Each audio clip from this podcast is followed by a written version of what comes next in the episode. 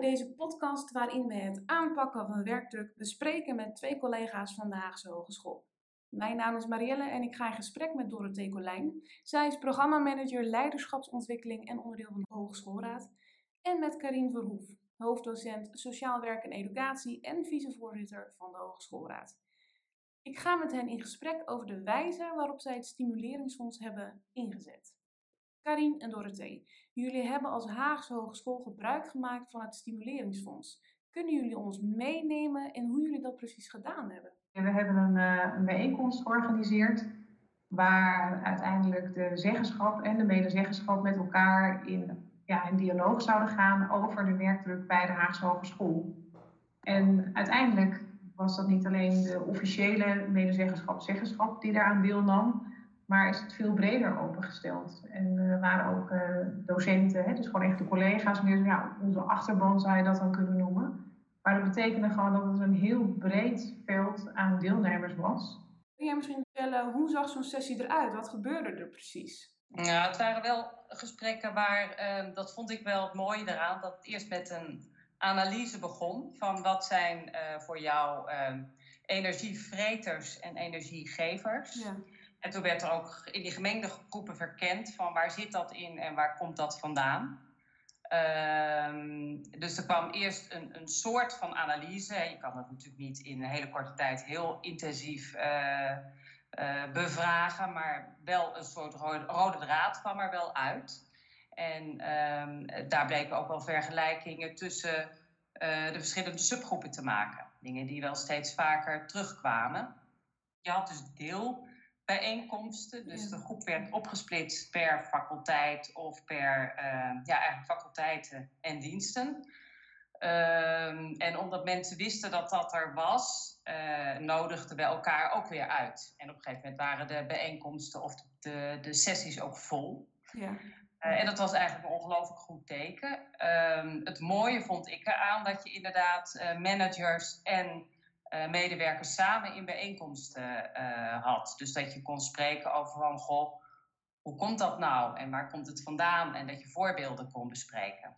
We hebben uiteindelijk wel gemeend om daar ook echt wat begeleiding bij te zetten. Om gewoon ervoor te zorgen dat het proces in zo'n subgroep uh, goed ging. Dat ook iedereen aan boord kwam. er waren echt, ik vond waren echt dusdanig klein dat iedereen echt aan zo'n gesprek kon deelnemen. Hè. Denk aan vijf mensen ongeveer maximaal. En als je dan die verschillende perspectieven hoort en zo'n facilitator hè, die dan vanuit zijn dienst HRM daarbij zit en echt goed doorvraagt, zodat echt voor iedereen duidelijk wordt uh, ja, wat er dan gezegd en bedoeld wordt. Want ik geloof dat dat op dit onderwerp echt wel heel belangrijk is. Dat je goed weet te noemen wat het dan voor jou betekent, waar je tegenaan loopt. Um, en dat je dat ook nog even gewoon goed samenvat, zodat als je weer teruggaat naar zo'n plenair uh, gesprek, dat je ook wel kan zeggen wat is dan de uitkomst van deze subgroep in een paar steekwoorden. Waarom hebben jullie dan specifiek voor deze aanpak gekozen?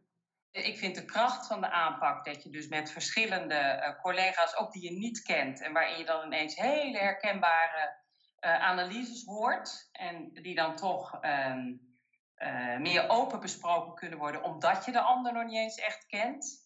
Uh, dat vond ik heel verrassend. Dat je dus vanuit een hele andere dienst en vanuit een hele andere faculteit soortgelijke vraagstukken uh, naar boven ziet komen, waardoor je denkt: hé, hey, dit is wel iets dat in onze hogeschool leeft. En, want ik kan me voorstellen dat het ook best wel kwetsbaar is. Als ik gewoon nog even in herinnering haal, het, waren, het was inderdaad kwetsbaar. Want er werden ook wel dingen gezegd uh, uh, nou, waarmee je je kwetsbaar maakt. Maar ik denk doordat uh, het ook door collega's werd herkend hmm. uit verschillende uh, diensten en faculteiten, ehm, dat er ook iets van een gemeenschappelijke opgave ontstond van daar moet dus kennelijk wat aan gedaan worden. En wat daarbij heel belangrijk is, uh, is dat ook de zeggenschap daar open voor stond om dat te horen.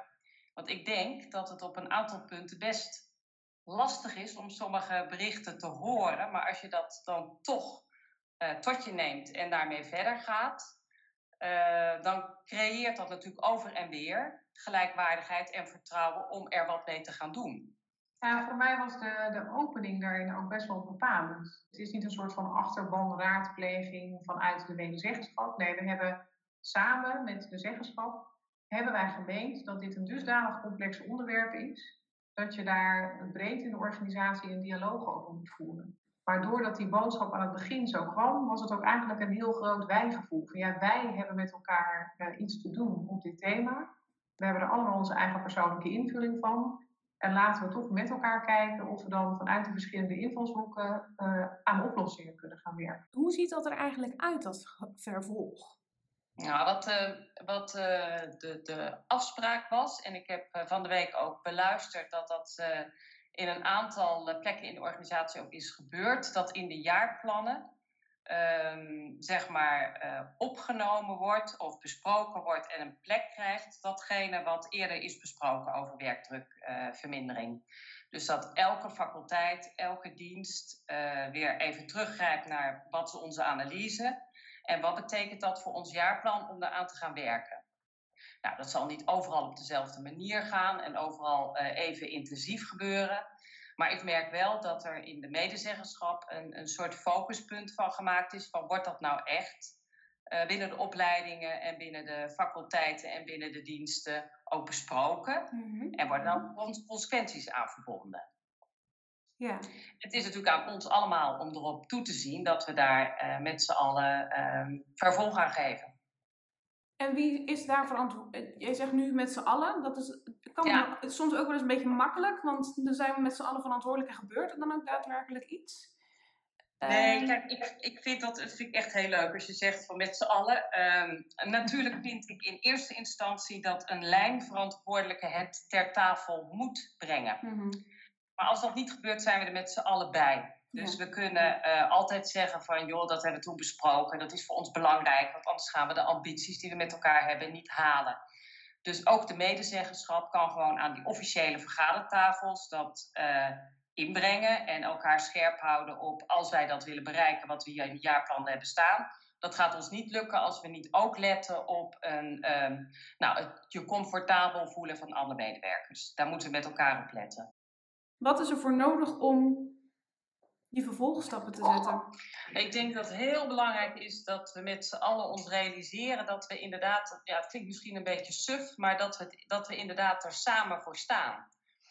En dat het dus ook, um, um, dat vind ik ook niet in coronatijd, um, dat je uh, een teamplan hebt, wat ook echt een teamplan is. Dus waar iedereen elkaar in de ogen heeft kunnen kijken en kunnen zeggen: hier gaan we voor wie kan wat toevoegen en dat er een beroep gedaan wordt op je talenten. En dat is dus niet dat ene uurtje een, uh, een, een, een lunchbijeenkomst, maar je moet ook iets doen om een soort proces zichtbaar te maken. En uh, zichtbaar te maken dat iedereen ertoe doet. En niet dat er taakjes worden weggezet, maar dat jij mag uh, meecreëren aan die opleiding of meebouwen aan die hogeschool. Wat geven jullie voor advies aan andere MR? Bespreek het niet alleen binnen je eigen raad. Uh, en dan heb je ook nog allerlei deelraden natuurlijk daarbij. En je hebt een aantal uh, vaste ambassadeurs en uh, je achterban. Maar eigenlijk doordat je het zo organisatiebreed op de agenda zet, zeggenschap en medezeggenschap, krijgt uiteindelijk je inbreng ook wel een andere kleur. Dus ik zou dat echt wel aanraden. Ja. Ja, en uh, daaraan ben ik met je eens, Dorothee, en daaraan toegevoegd, um, durf het groots aan te pakken. Als als er sprake is van werkdruk, um, dan kun je gaan kijken van, uh, goh, moeten er uren bij? Hè? Of moeten er extra mankracht bij? Maar probeer ook gewoon eens te kijken van, hebben we het eigenlijk handig georganiseerd? kunnen we niet bepaalde ondersteunende diensten, um, uh, zeg maar, uh, van verschillende eenheden, dus bijvoorbeeld verschillende faculteiten, uh, werk laten doen voor andere faculteiten, omdat die het gewoon makkelijker georganiseerd hebben. Ehm, kunnen we niet gewoon bepaalde onderdelen helemaal laten vervallen, omdat we eigenlijk daar niks meer mee toevoegen? Kunnen we niet op basis van vertrouwen bepaalde toetsen laten vallen? En dus durf het veel groter en breder en uh, out of the box te benaderen. En verval alsjeblieft niet terug in er moeten uren bij. Want hoe meer uren, hoe meer taakjes, hoe meer we eigenlijk weer al die werkzaamheden uh, fragmenteren. En daarmee sluiten we deze podcast af. Dank jullie wel voor deze input en inspiratie. Hopelijk hebben de collega's op andere hogescholen hier ook inspiratie uit opgedaan. En ehm, nou, heel veel succes daarmee.